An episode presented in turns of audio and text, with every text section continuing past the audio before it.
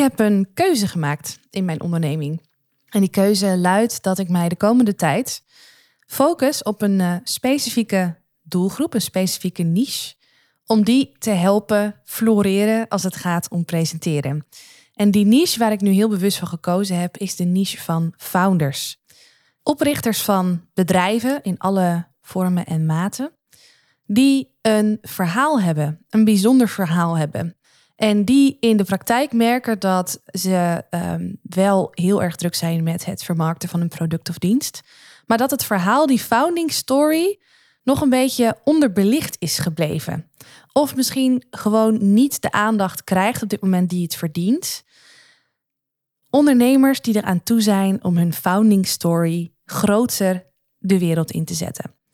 En dan misschien niet per se omdat ze zelf nou zo nodig in de spotlight moeten staan, maar omdat ze voelen dat dat verhaal waarde toevoegt aan de wereld, dat dat inspirerend werd, maar daarmee natuurlijk ook versterkt in de marketing van het bedrijf, waardoor ze meer klanten aantrekken en ook meer uh, collega's aantrekken die passen bij hun bedrijf. Terwijl ik deze podcast opneem, heb ik al heel veel founders gesproken.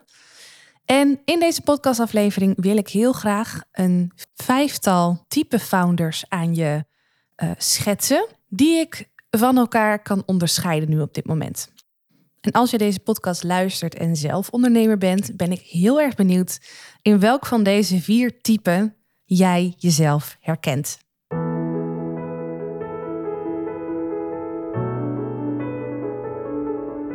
Mijn naam is Marije Wielenga. Is presenteren voor jou van essentieel belang om succesvol te zijn? Zakelijk, publiekelijk of persoonlijk? Dan is deze podcast Stralend Presenteren voor jou. Als Nederlands kampioen in speechen daag ik je uit om boven de saaie zakelijke presentatiestandaard uit te stijgen. En meer dan dat nog, om boven je eigen standaard uit te stijgen. Blijf luisteren om te leren hoe.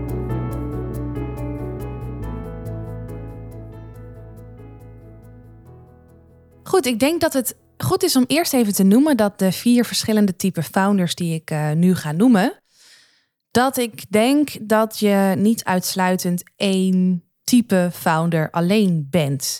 Volgens mij kun je best een mix zijn van verschillende founders. Laat ik beginnen met founder type nummer 1. En die noem ik de idealist. De idealist is een, uh, een founder die, een, uh, die, die iets ziet in de wereld of een maatschappelijk probleem ziet in de wereld en zich echt geroepen voelt vanuit zijn tenen of vanuit haar tenen om daar iets mee te doen.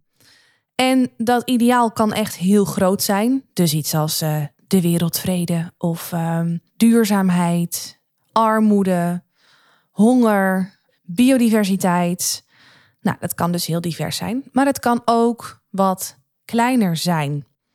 Ik denk even aan ondernemers die ik heel veel ken in mijn netwerk, buddies, collega's, die zelf iets hebben meegemaakt in hun leven. Wat niet per se heel zwaar hoeft te zijn, maar wat voor hun best wel impact heeft gemaakt. Waar zij uit zijn gekomen op een goede manier. En waarbij ze voelen van, goh, nu ik dit heb doorleefd, nu ik dit heb meegemaakt, wil ik graag mijn steentje bijdragen aan de wereld, aan de mensheid, door anderen te helpen, ook op een goede manier door iets soortgelijks heen te komen. Denk bijvoorbeeld aan ehm, de relatietherapeut die ehm, zelf ook niet altijd een fantastische relatie heeft gehad. Denk aan de, uh, de meisjescoach die in haar jeugd ook de nodige uitdagingen heeft gehad als meisje. En nu heel sterk voelt dat nu zij zelf een volwassen vrouw is geworden, dat ze andere meisjes daarin wil uh, steunen. Ik moet ook denken aan mijn, uh, mijn buddy, Danielle Mol. Ik weet dat ze luistert. Hoi Danielle. die, um, die echt als ideaal heeft dat plantaardig voedsel de norm mag zijn. En zich heel sterk geroepen voelt om daar een bijdrage aan te leveren. Nou, wat ze doet in de praktijk is uh, niet gelijk uit te, af te leiden aan dat ideaal. Zij helpt producenten om hun product, het product wat in de supermarkt ligt, te laten domineren in hun productcategorie. En dat doet ze dus ook echt uitsluitend voor vegan producten. Een voorbeeld waar je ook aan mag denken bij, uh, bij de idealist is een Tony Chocoloni die het chocolademerk is begonnen. Volgens ik weet niet of hij ook echt Tony heet trouwens. Maar die het chocolademerk is begonnen om uh, gelijkheid te creëren. Om de producenten van chocola een betere kans te geven, een eerlijke prijs te geven, als ik het even goed mag vertalen. Maar ook heel veel coaches zijn hun coaching business begonnen omdat ze ooit zelf hebben ervaren hoe naar het kan zijn om ergens in vast te lopen. En nu de opgedane kennis en ervaring, levenservaring die zij hebben verworven, in te zetten om andere mensen te kunnen helpen. Op wat voor gebied dan ook. Hè. Er zijn natuurlijk hele diverse soorten coaches. En dat gezegd hebben, dan denk ik dat ik zelf ook een idealist ben. Ik had zelf ook niet verwacht dat ik ooit presentatietrainer slash coach zou worden. Omdat ik zelf zo'n gruwelijke hekel had aan het uh, geven van vooral zakelijke presentaties. Uh, dat verhaal, dat kun je trouwens terug horen in uh, de allereerste aflevering van mijn podcast. Mocht je daar nieuwsgierig naar zijn wat mijn verhaal is. Ik heb zelf een behoorlijke transformatie doorgaan als mens. Ehm, door ook beter te leren spreken en ja, weet je, dat was eigenlijk maar een middel om, om iets anders te bereiken. En dat wat ik bereikt heb, de vrijheid die ik nu voel om mezelf te mogen zijn, dat heeft mij als mens zoveel gebracht, maar ook zakelijk zoveel gebracht, dat ik me heel sterk geroepen voel, voelde, voel nog steeds, om nu ik die transformatie heb doorgaan, anderen te kunnen begeleiden datzelfde voor elkaar te krijgen. Met spreken, beter leren spreken als middel om daar te komen. Dus ik, uh, ik beschouw mezelf ook hoofdzakelijk als idealist. Dan founder type 2. Founder type 2, dat is de rasondernemer. En misschien denk je nu, dat klinkt een beetje gek, want als founder ben je toch altijd een ondernemer. Ja, in zekere zin wel. Maar toch is de rasondernemer echt even een tikkeltje meer ondernemer of een tikkeltje heel veel meer ondernemer dan uh, de andere type founders. De rasondernemer is een, uh, een man of een vrouw die kansen ziet, die denkt: Goh, uh, waarom is daar nog niemand op ingesprongen? En die dan vervolgens zelf op het juiste moment inspringt om die kans te benutten. Om met zijn notitieblokje op pad te gaan, om klanten te werven en de klanten dat te bieden waarvan hij denkt, joh, dat doet op dit moment nog niemand en dat, uh, dat kan ik heel goed voor deze klant betekenen. De rasondernemer is uh, super gedreven. Nou, ik denk trouwens dat alle ondernemers, alle founders ook wel super gedreven zijn.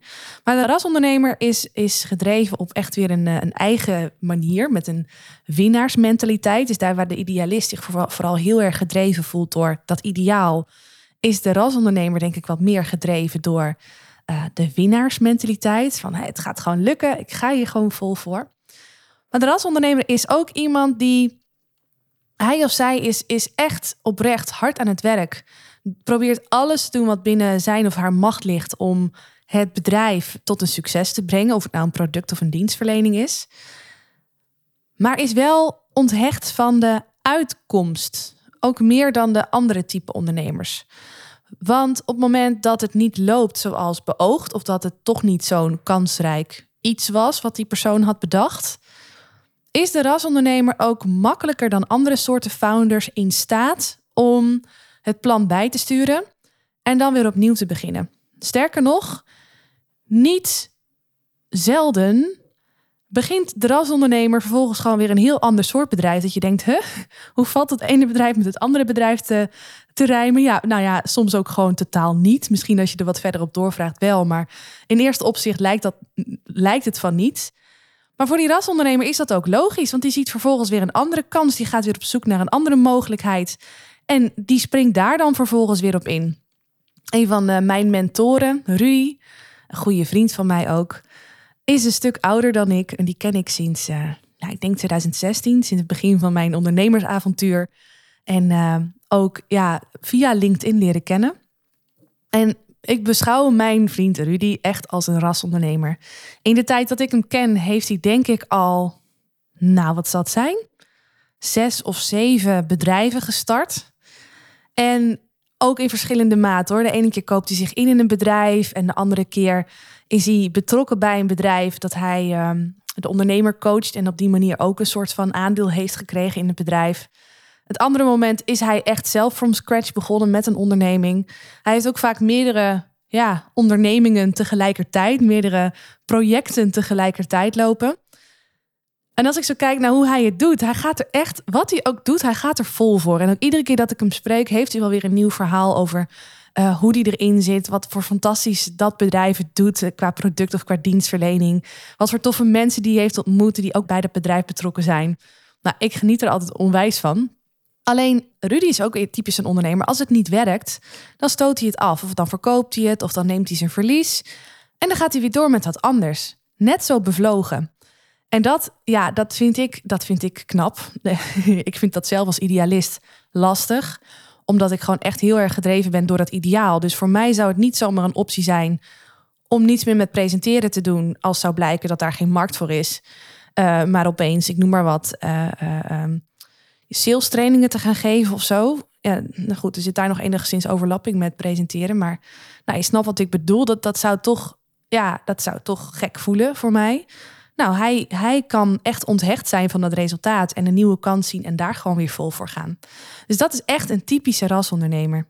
Een rasondernemer kan iemand zijn die in zijn leven misschien wel twintig bedrijven is gestart, initiatieven heeft uh, opgezet, waarvan er misschien maar één super succesvol is. Maar het kan dan ook net die ene zijn die heeft gezorgd dat hij gewoon uh, ja, dik met pensioen kan en een mooi huis heeft gekocht en weet ik het wat allemaal. Dus ja, dat, dat typeert de rasondernemer. Ik had er van de week ook nog eentje aan de telefoon. In het kader van Founding Stories. En deze man is uh, in 2013 begonnen als ondernemer. Kwam uit loondienst. Voelde zich niet meer thuis in die loondienstsituatie. Paste niet meer in dat loondienstjasje. Had echt een andere kijk op dingen zoals ze zouden mogen gaan. En het bedrijf was daar wat stugger mee. En hij irriteerde zich ook steeds meer aan de, de, de overleggen die plaats moesten vinden. Hij wilde niet meer doen wat Anderen vonden dat hij zou moeten doen, maar hij wilde doen wat hij zelf vooral wilde. En zonder daar dan ook nog allemaal verantwoording voor af te hoeven te leggen en zo. En um, hij zag ook een bepaalde kans. Mensen om hem heen zeiden van, joh, uh, jij zou voor jezelf moeten beginnen. En hij dacht, ja, dat is mooi gezegd, maar ja, hoe dan? Met wat dan? En met wie dan? En uiteindelijk uh, ontmoette hij een compagnon. Dat klikte heel goed. En uh, ja, nu heeft hij een bedrijf met volgens mij zes vestigingen door het hele land op het gebied van detachering. Ik heb ook uh, binnen zijn bedrijf een aantal cursussen verzorgd aan trainees die zij opleiden. En hij heeft zichzelf nu, nou ja, vrijgespeeld wil ik niet zeggen. Maar daar waar hij in 2013 nog de boer op ging met zijn schriftje naar potentiële klanten om, uh, om zijn mensen te verkopen. Het is een detacheringsbedrijf. Daar is hij nu in principe vrijgespeeld van de operatie. Hij houdt zich nog bezig met interne projecten. Maar ja, hij is gewoon heel hard bezig om zichzelf uh, onnodig te maken, om alles te delegeren. En dat is ook een logische beweging, denk ik. In ieder geval in zijn geval. Maar ook hij is echt een rasondernemer. Hij zag een kans, hij is erop ingesprongen. En hij is het gaan doen. En dat, ja, bij hem pakte dat gewoon in één keer heel goed uit. En heeft hij gewoon een, een gevestigd, gevestigd bedrijf nu staan.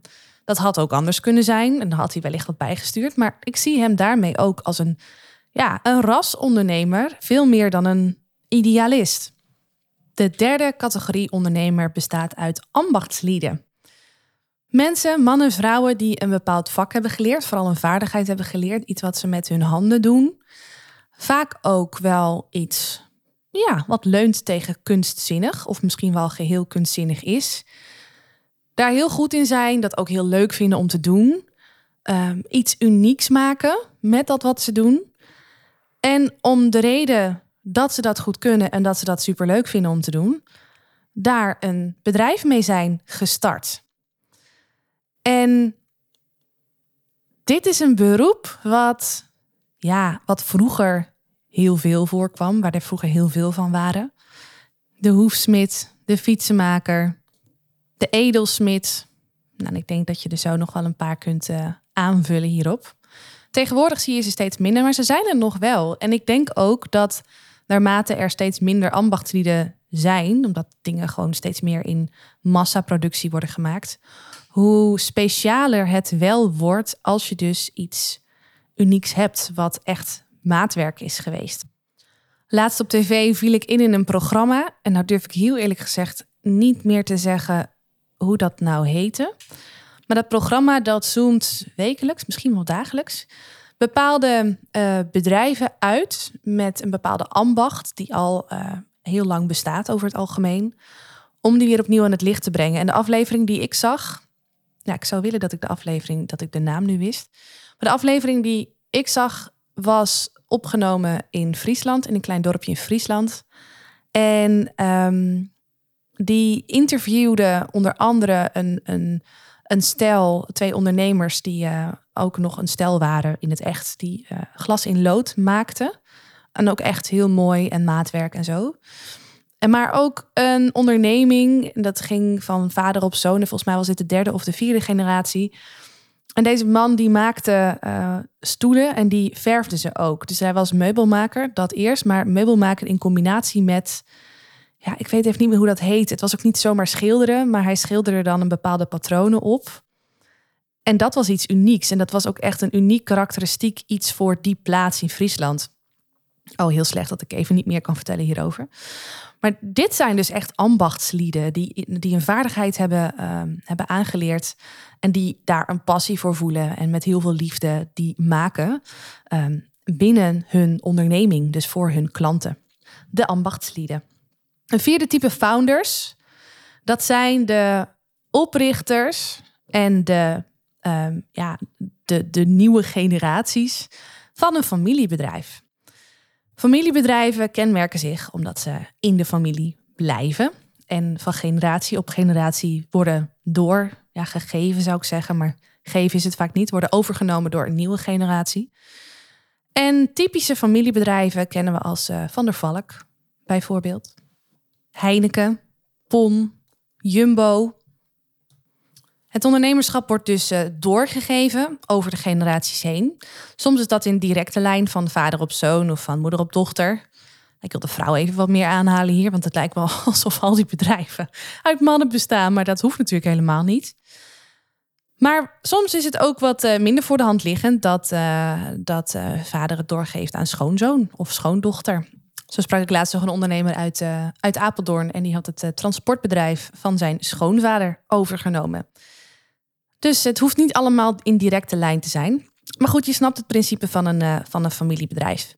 En een familiebedrijf is ook zoiets typisch wat heel goed samen kan, gaan met een ander type founder. Want een um, familiebedrijf kan ook heel goed een, een bedrijf zijn met een bepaalde ambacht. Dus denk aan een, eh, een schoenmaker die het eh, beroep heeft overgenomen van zijn of haar vader. Of het voorbeeld wat ik net noemde bij familiebedrijven van die man die ook volgens mij de derde of de vierde generatie dus was, die die meubels maakte en schilderde. Inmiddels een beetje bij de tijd, maar en misschien wat anders als dat zijn overgrootvader het destijds deed. Maar toch wel een familiebedrijf ook. Je snapt het idee je zou bij familiebedrijven kunnen zeggen van ja, maar als je nou toch die tweede, derde of weet ik veel hoeveelste generatie bent, dan ben je toch niet echt de founder. Nou, het is net hoe je het wil zien. Ik denk dat jij wel degelijk een founder bent, want iedere nieuwe ondernemer die in dat familiebedrijf aan het roer staat, gaat toch iets doen weer op zijn of haar eigen manier. Een hele goede vriendin van mij heeft ook het bedrijf van haar moeder overgenomen. En hoewel het bedrijf nog steeds hetzelfde heet, het draagt zelfs nog de naam van haar moeder, doet zij dingen toch wel degelijk op een andere manier.